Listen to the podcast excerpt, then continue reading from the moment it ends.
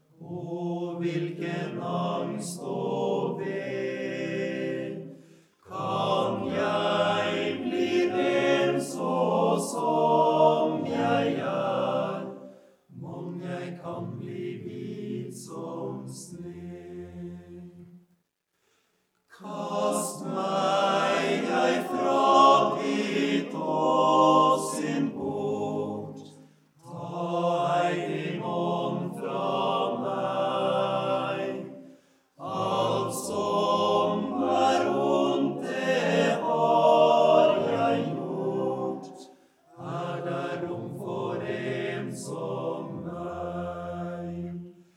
Ja, Jesu Kristi blod, det renser fra all synd, renser fra all synd, renser fra all synd. Ja, Jesu Kristi blod,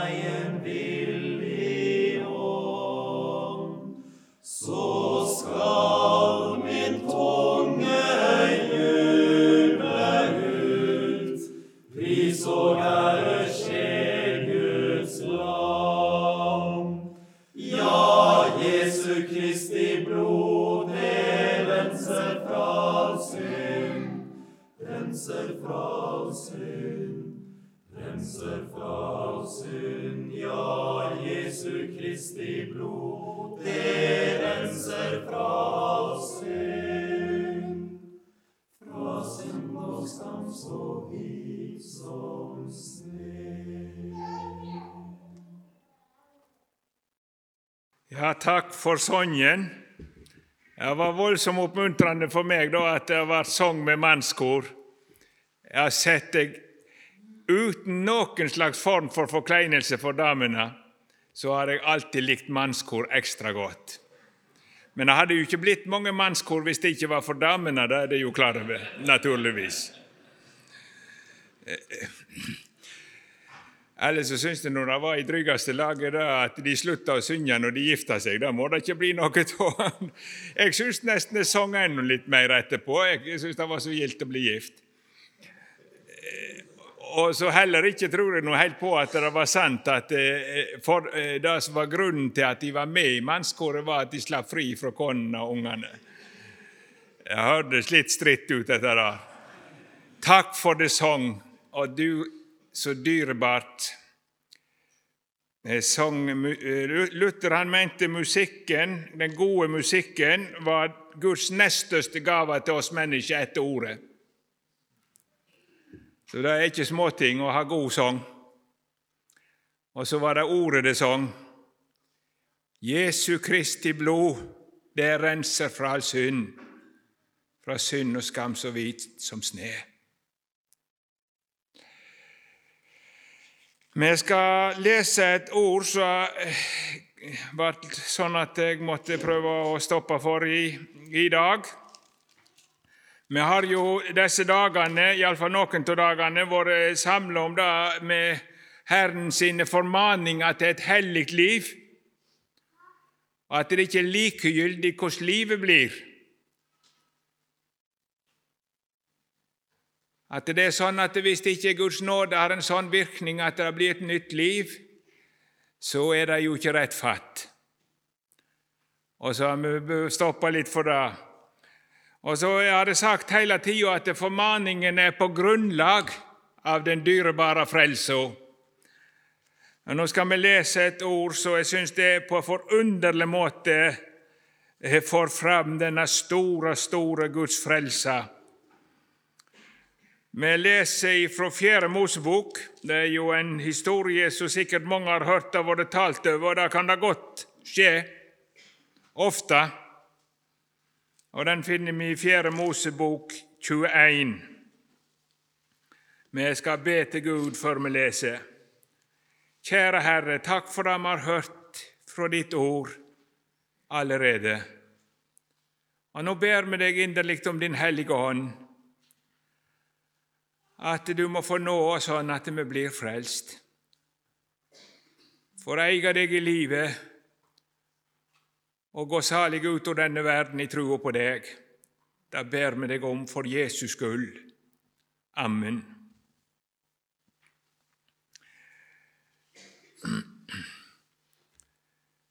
Ja, det er fra det 21. kapittelet i Fjerde Mosebok.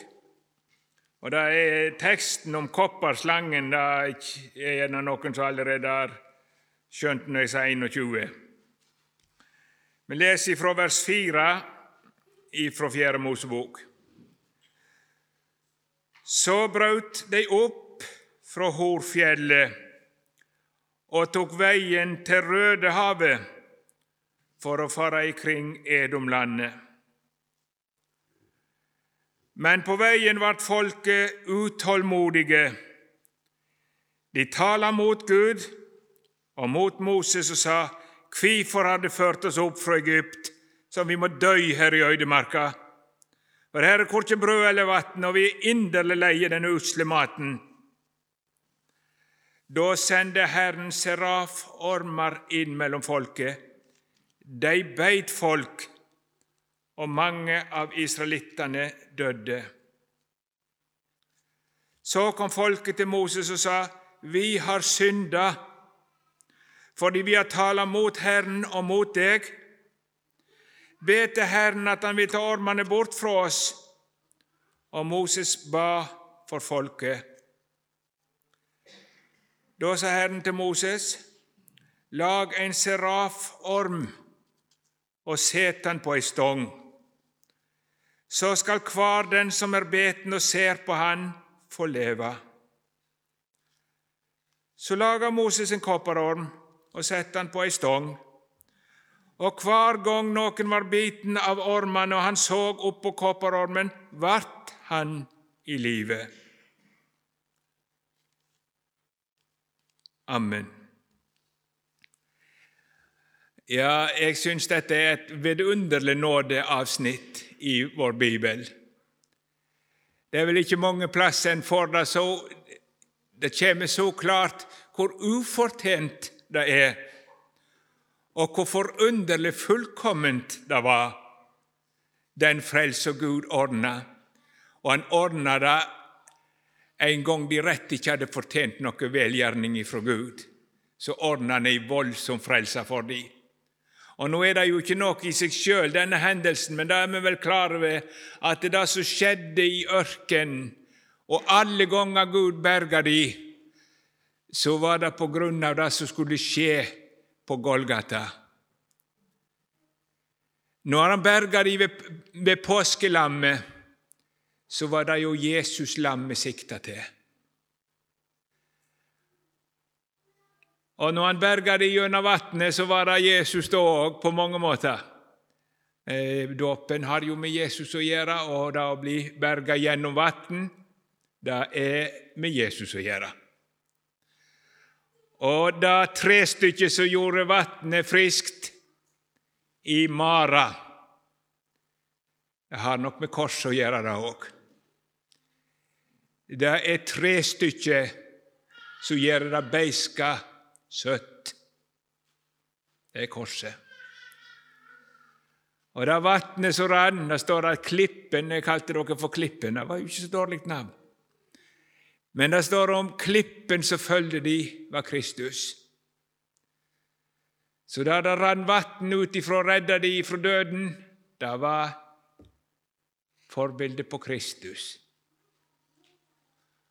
Og mannen, brødet fra himmelen, ja, kunne ikke berge de, det som de fikk i ørkenen, men det var forbildet på brødet fra himmelen, Kristus. Han kunne berge de. Så hele veien er det jo bilde på Guds store frelse, og det er det ikke minst her. Og det er veldig talende, hele ørkenvandringen, for det er jo slik for de som er troende i dag òg. På mange måter er vi på en ørkenvandring. Herren sjøl har fridd oss ut ifra denne verden og syndens Egypt. Og så har vi sett kursen på vei til løfteslandet. Men ennå er ikke vi framme. Og det er jo alvorlig å tenke på. Ikke alle som synger om Jesus i kveld her i salen, kanskje ikke alle, kommer til å synge om Jesus i saligheten. Det går godt an å komme vekk. Det var ikke alle som begynte på reisa som nådde målet. Det er tungt å tenke på. Og slik var det da, og slik er det nå, at Guds folk er ikke et enkelt folk for Gud å føre fram. Og nå er det nesten noe av det bedrøveligste som skjedde, for nå er de kommet så langt at de har sett Guds velgjerninger snart i 40 år. For nå er de kommet så langt at de har vært i den lange tida i ørkenen som Gud sa de skulle være, og nå begynner de igjen å vandre for å komme inn i løfteslandet. Så nå har de brutt opp ifra den plassen de har vært i 40 år. Og hva har de opplevd disse 40 åra? Én ting har de opplevd. Gud er til å stole på. Og det er i grunnen det eneste. Gud er til å stole på. Han hadde sittet i deres nød i Egypt, i trellehuset, og så steig han ned for å fri de ut. Og Da ble de vel glade. Ja, først men de fikk bare lite grann motstand. Så sier de, 'La oss være i fred. Vi vil tjene egypterne.' Og Hadde Gud hørt på dem den gangen, så hadde de vært i Egypt som slaver den, dag, den dagen òg. Men Gud, han hadde lovt å fri dem ut. Og så gjorde han det. Og En dag går de ut så sier Herren med bytte og det hele på dagen når Gud hadde lovt egentlig fra Abraham. Så går de ut med oppløft hånd, står det. De seirende gikk de ut ur Egypt. Og Så begynner de på vandringen. Og Så fører Gud de sånn at de kommer i den ene nøden etter den andre. Det er Gud som gjør det for om de omsider kunne begynne å stole på Han. Han hadde jo lovt de å fri de ut. Han hadde lovt å føre de til landet, og han hadde lovt å gi de landet. Og Det er jo lignende for oss. Det er jo ikke noe annet for oss. Herren har tatt på seg å frelse oss, har fulgt for de frelser så stort. Og så har Han tatt deg ut, du som er kommet til tro, og sett deg inn i denne frelsa. Og så har Han lovt deg at Han er mektig til å ta vare på deg gjennom livet like til du når målet.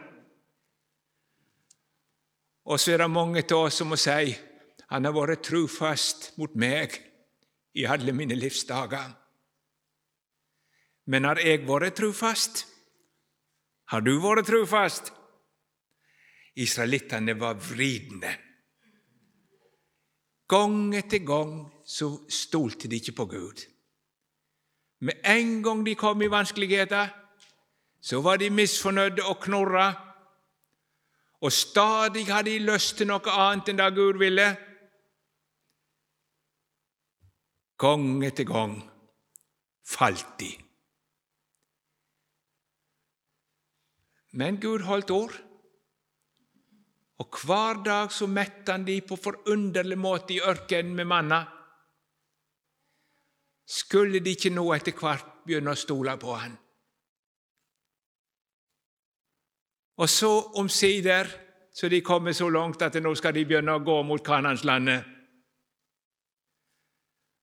Og så kommer det litt vanskeligheter igjen. De møter Edom, og de får ikke lov å gå gjennom landet. Og så får de en omvei. Da må de ned gjennom i retning Rødehavet, ned i et varmt, tørt land. Og igjen så begynner Israel å klage. Knurre. Og hvorfor gjorde de det? For de stolte ikke på at Guds vei var den beste. De ville ha noe annet. Og maten, brødet fra himmelen, det syntes de var dårlige greier. Nå er det ikke sikkert det er annerledes her heller. Vi har jo fått brødet fra himmelen, ikke sant? Så du skal få metta di sjel med hver dag. Er du nå alltid fornøyd med det? Eller er du òg en som syns noe annet ville smake deg så mye bedre? Og så ligger Guds ord og vitner imot deg, mens du kanskje fyller deg med noe ganske annet. Har vi vært litt borti disse kveldene? Og så er det mange Guds velgjerninger. Nå tenker jeg også på skapelsesplan. Kanskje han har gitt deg en ektefelle?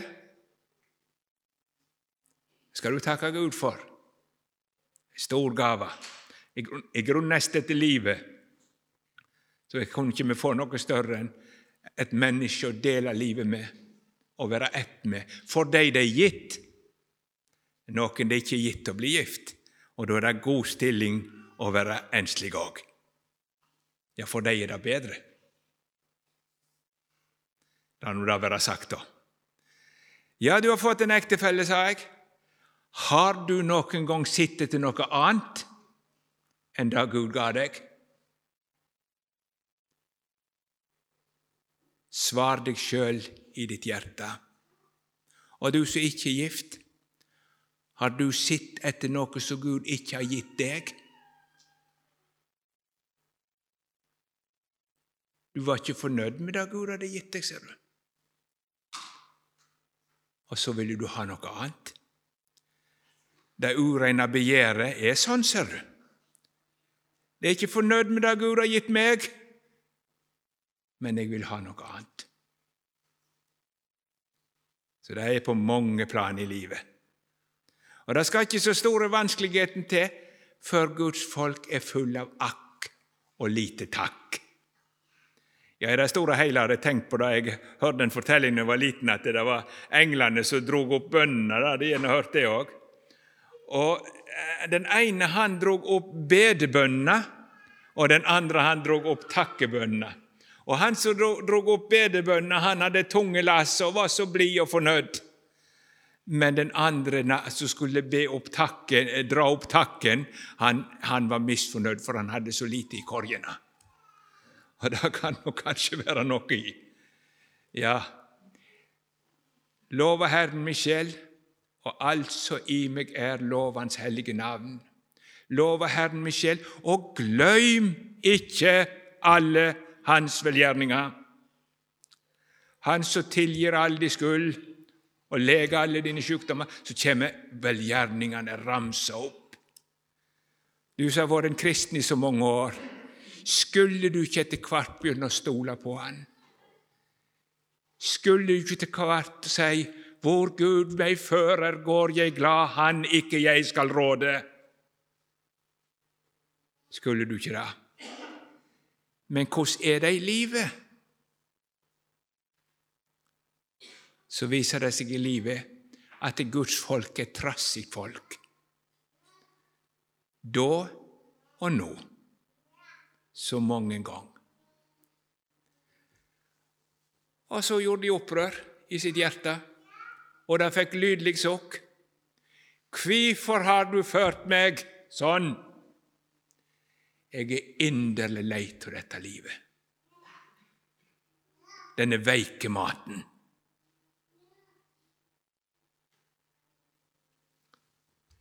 Et ord full av bitterhet og vantro og mangel på tillit til Gud.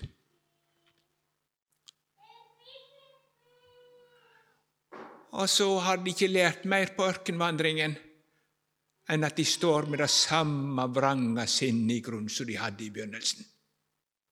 Etter alle disse år så går de ut i det samme igjen. Men det er noen av oss som begynner å bli temmelig grå i hårene. Du har vel lært noe på disse årene du har vandra med Gud? Har du det? Og så skjer det ennå i dag at det før du vet ordet av det, så ligger du ute i synda. Knorr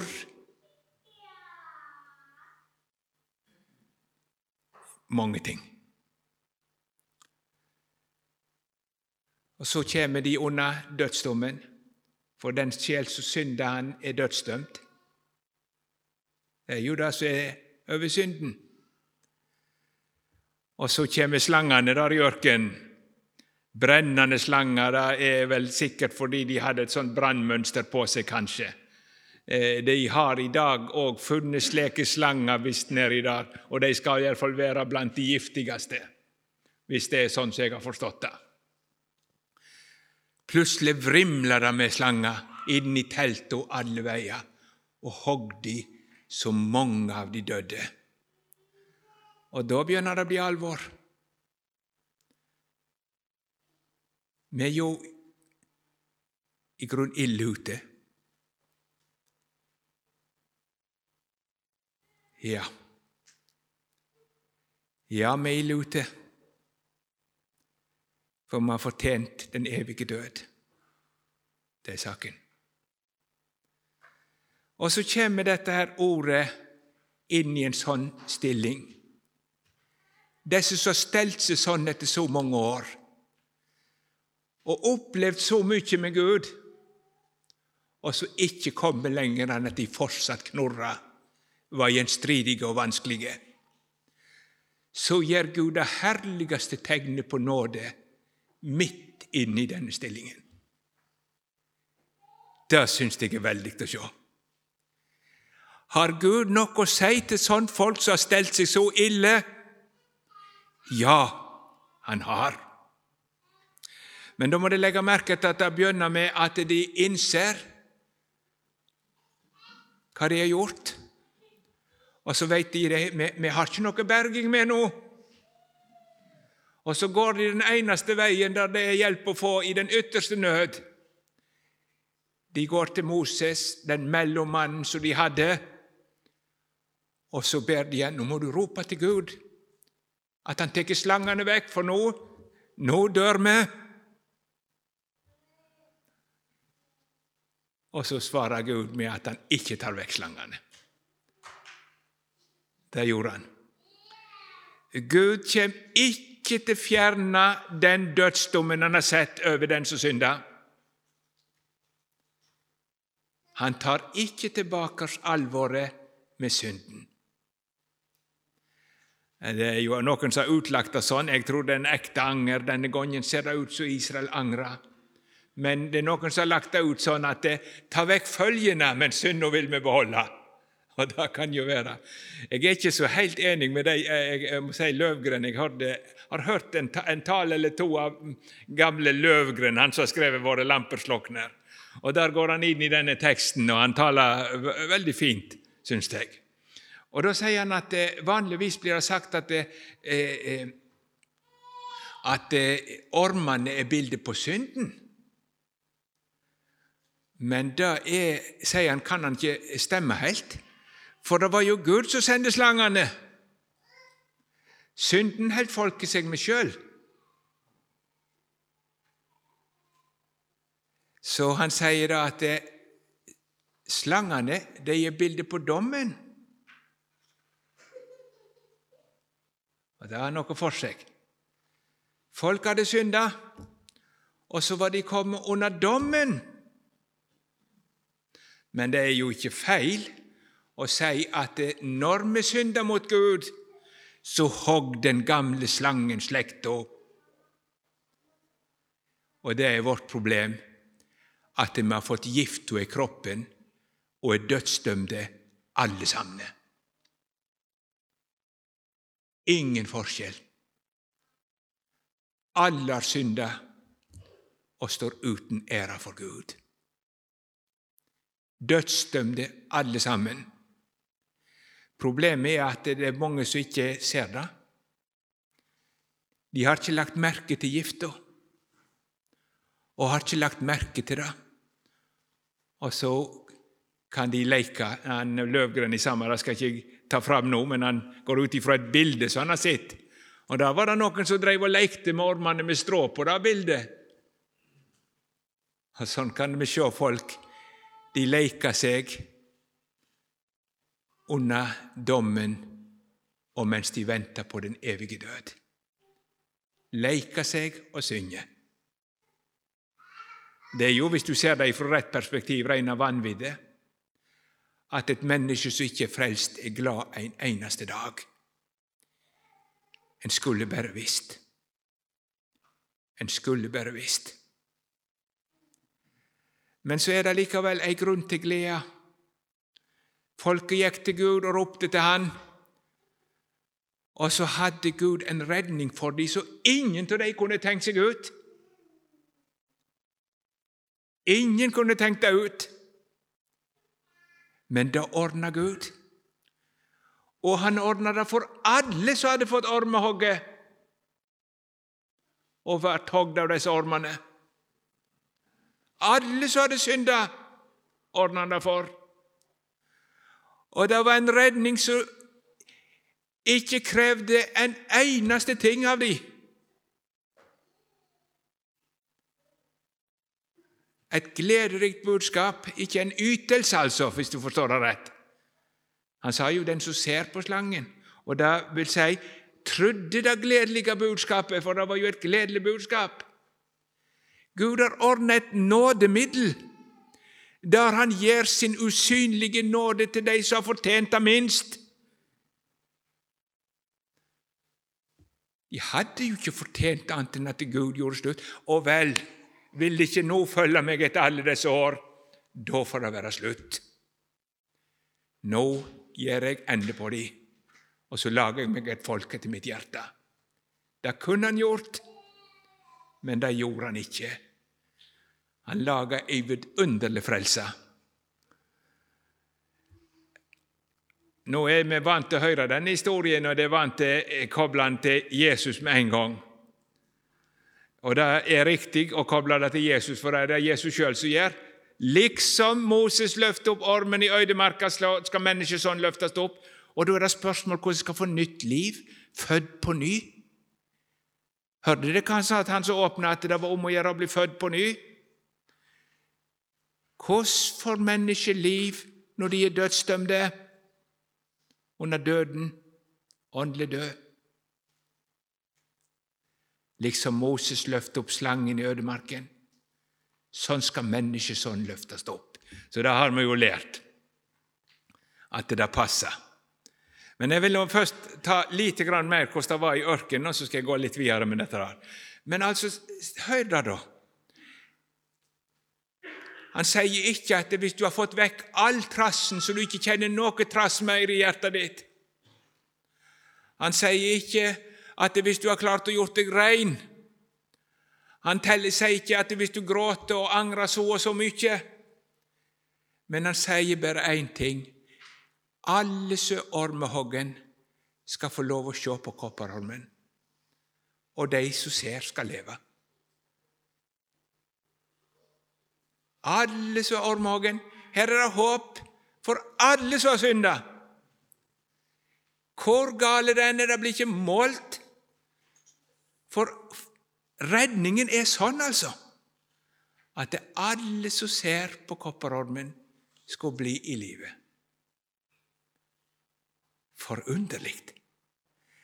Det står ingenting om, og det tror jeg Skriften bevisst har sett åpent, det står ikke om alle gjorde det.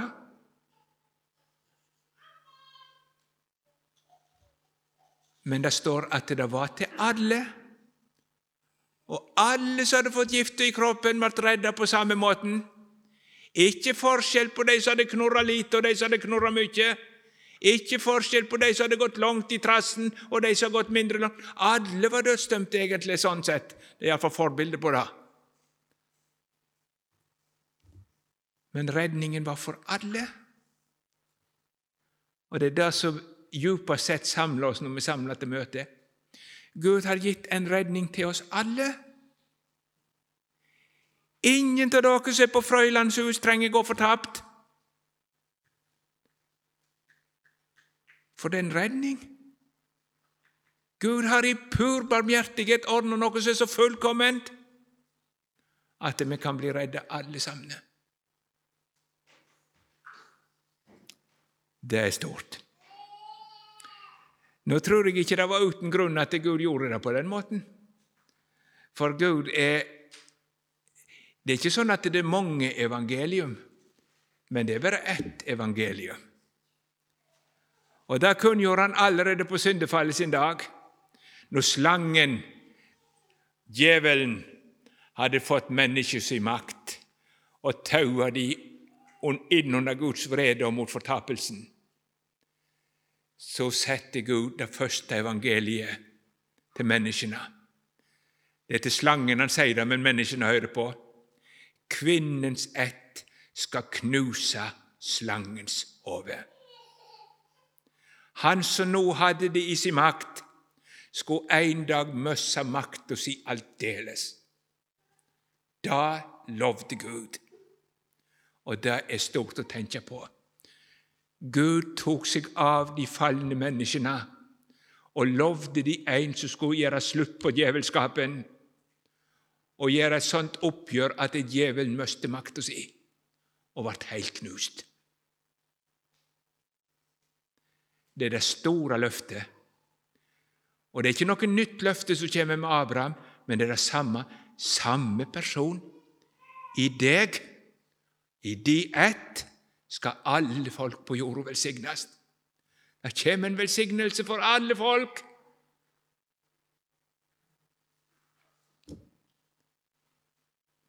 Og da er det ikke rart at det tegner for frelse, det er ormen opphengt avvæpna og knust.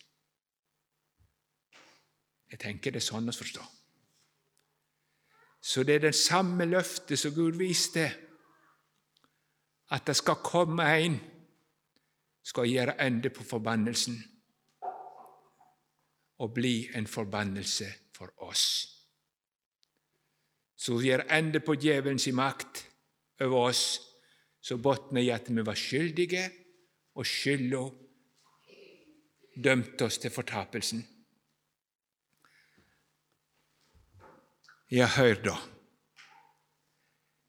Gud har gjort noe for dere alle og meg. Han har tatt forbannelsen som hvilte over oss alle, og lagt det på Jesus, og så har han kjøpt oss fri fra hele forbannelsen. Han har tatt syndene våre og lagt dem på Jesus, og så har Jesus gjort rent bord. Så hele verdens synd er utsletta og utsona på Golgata. Og syndenes forlatelse kjøpte hver eneste stakkar. Ingen av dere har synda så mye og ingen utenom. Alle var med. En velsignelse for alle folkeslag. Og det skal kunngjøres til jorda sin ende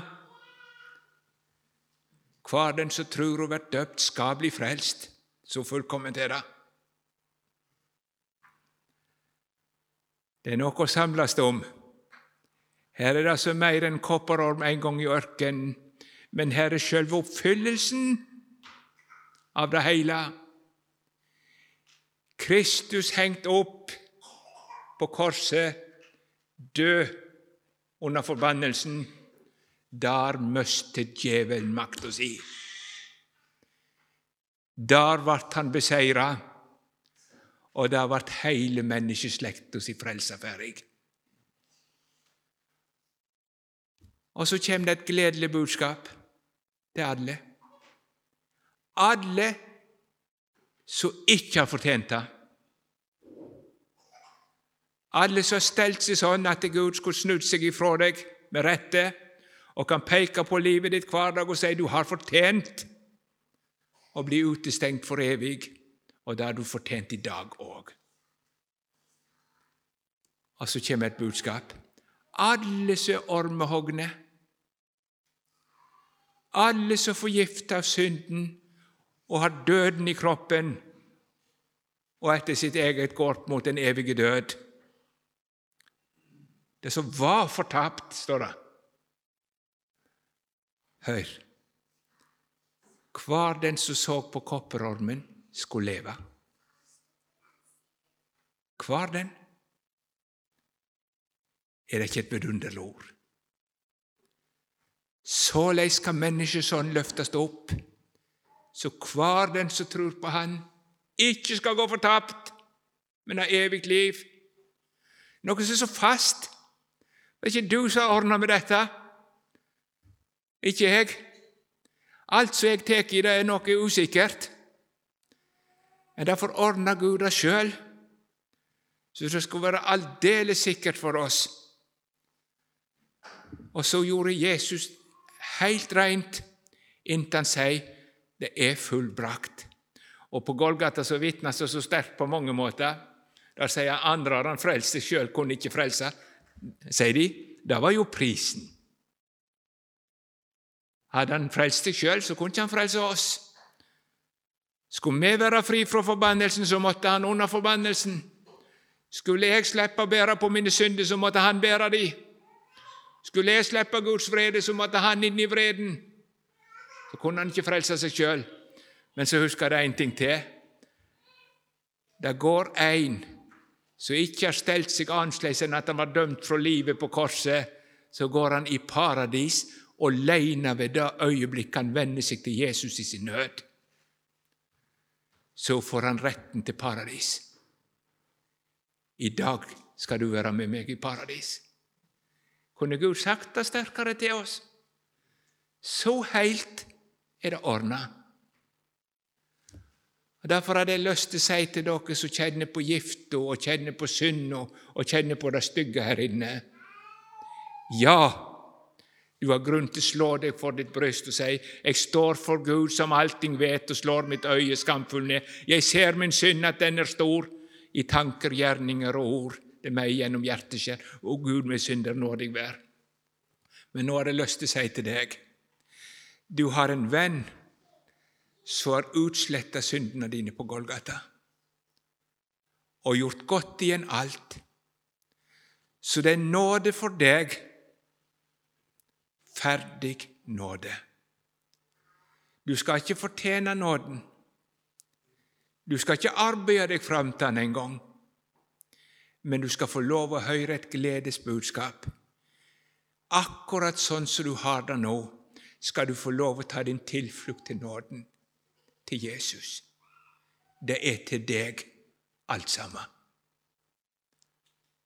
Og i det øyeblikket du tar din tilflukt til Han, så eier du forlating for alle dine synder og står for Gud som om du aldri hadde synda. Du skal ikke dø så vil med korset eg standa, med undring eg ser. Eg er fri. Eg skal ikke dø. Eg skal leve med Jesus til evig tid. Forunderlige ord. Ja, men de hadde jo synda så mange ganger. på veien? Ja, det hadde de. Men forunderlige Gud, han gjorde det likevel for de. Og så sier han noe som kommer veldig godt fram på nynorsk. Hver gang noen var ormehoggen og så opp på kopperormen, vart han i live. Hver gang det har vært dyrebart å hatt med seg i livet. Hver gang gjelder det meg ennå, gamle travet som ennå snubler og synder, og ennå kjenner den vonde lyst i mitt hjerte. Gjelder det? Hver gang gjaldt det. Hver gang. De vart i livet. Ormene kunne ikke skade de.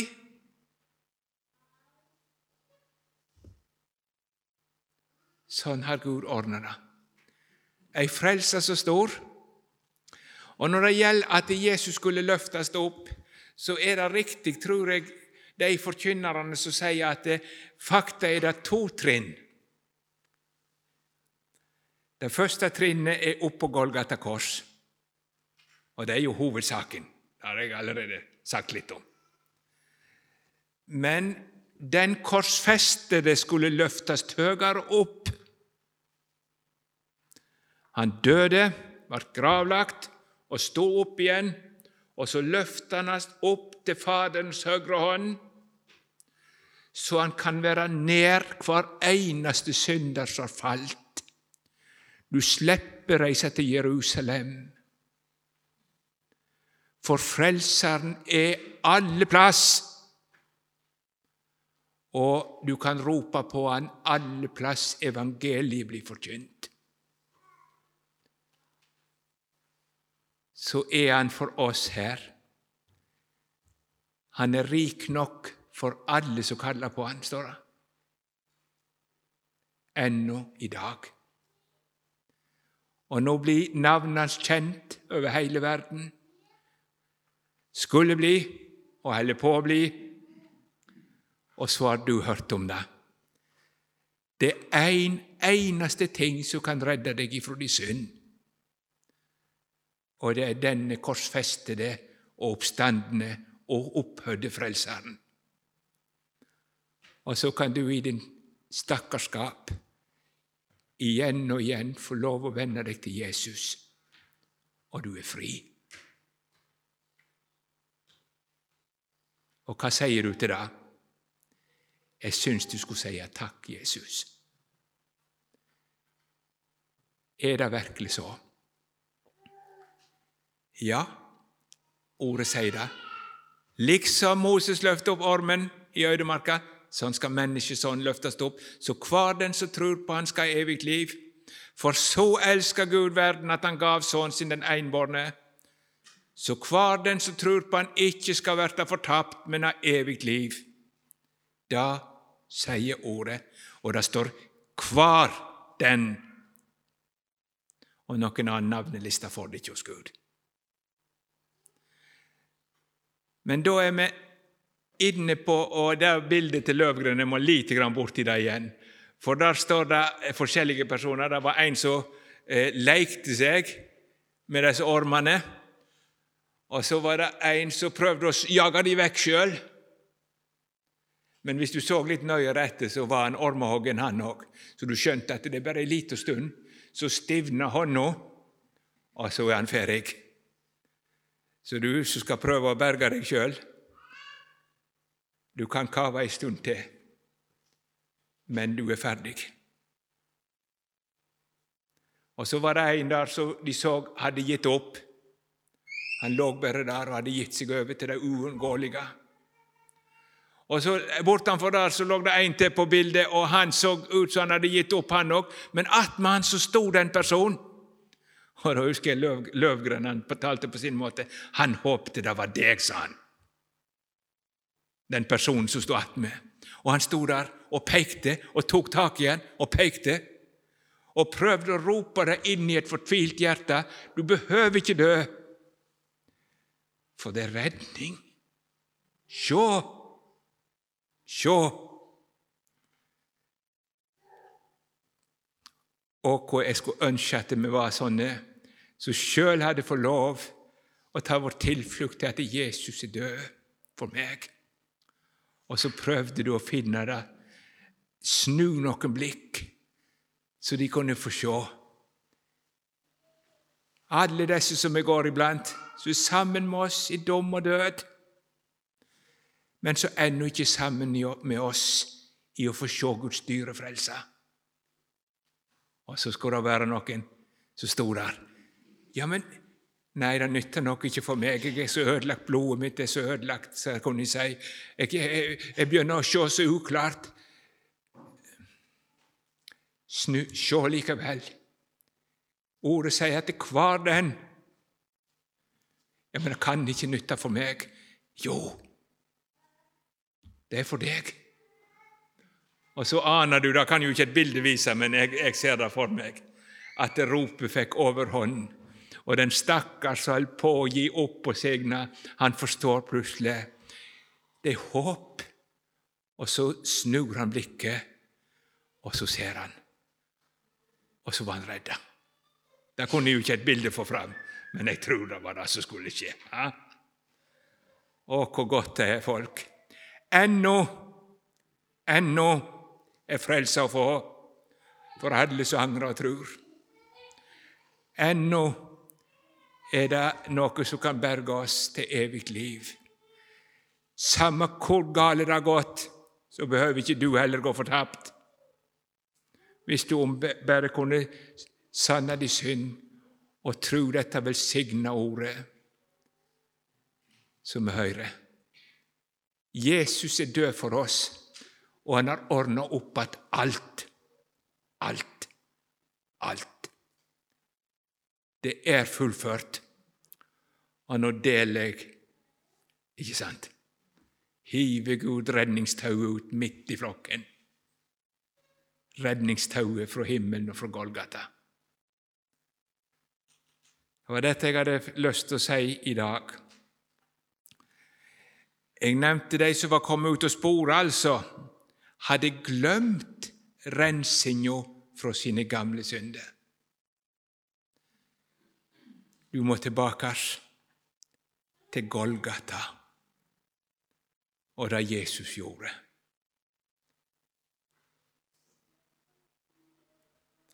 Kjære Herre Jesus, jeg har lyst til å takke deg for at du tok mine byrder. Du bar mine synder.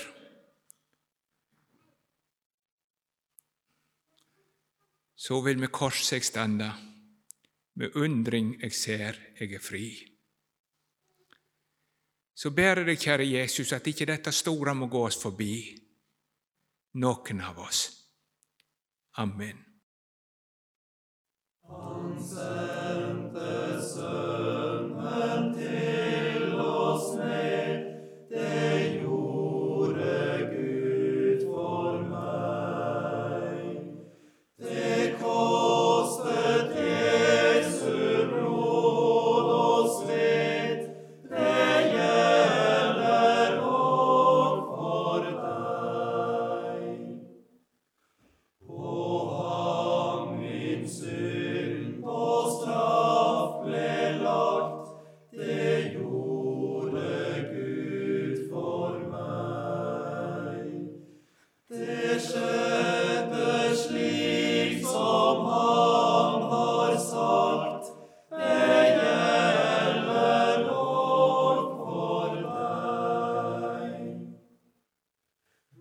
min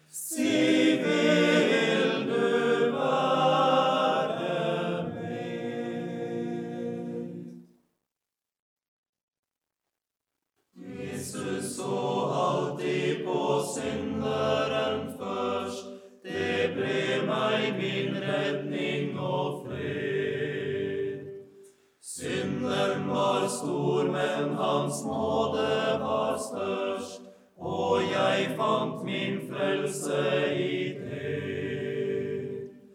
Men iblant tårer rant, jeg så forsakelsens drømmer forsvant, men et fikk jeg møte det med. Jeg vet min hjemme.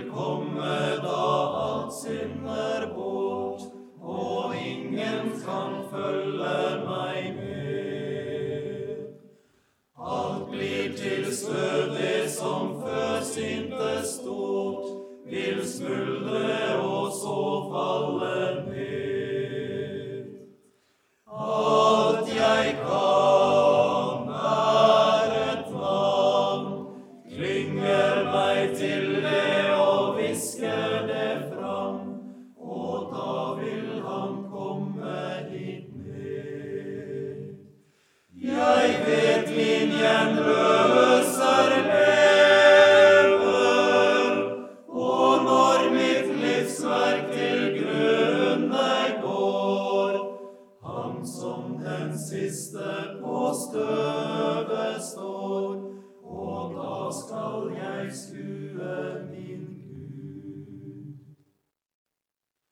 Gud. En gang skal gåtene finne sitt svar, hver tåre skal Gud tørke bort. Lovsang vil stige for unna